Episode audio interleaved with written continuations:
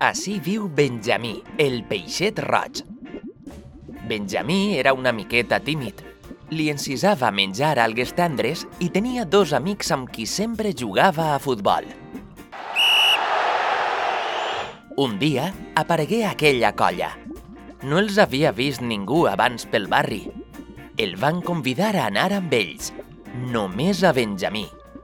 El peixet roig es va sentir important i, sense pensar-se-ho dos vegades, es va convertir en el peix número 11 de la colla.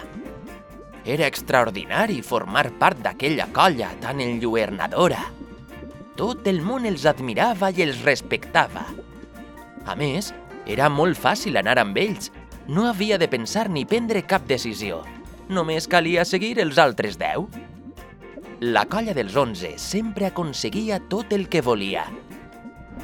Ni tan sols havien de demanar permís. Ningú els duia mai la contrària. El peix número 11 no s'avorria mai, perquè la colla sempre trobava coses divertides a fer. Feien a muntó de bromes als altres peixos. Encara que, de sobte, aquelles bromes ja no li feien tanta gràcia. De fet, li van deixar de semblar bromes. I, en mirar atentament al seu voltant, es va adonar que els altres peixos no els admiraven. Simplement tenien por de la colla. Aquella colla ja no semblava tan enlluernadora, ni li agradava tant ser el peix número 11. I en aquell moment va decidir deixar de seguir els altres 10. En això va passar una cosa inesperada.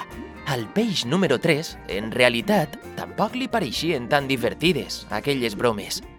Tampoc al peix número 8. Ni al 5. Ni al 2, ni al 9, però cap d'ells havia gosat dir-ho abans. Així va ser com es va acabar la colla dels 11. I este és Benjamí, un peixet una miqueta tímid, però també valent. Li encisa menjar algues tendres i jugar a futbol amb els seus amics. I ara en té a muntó.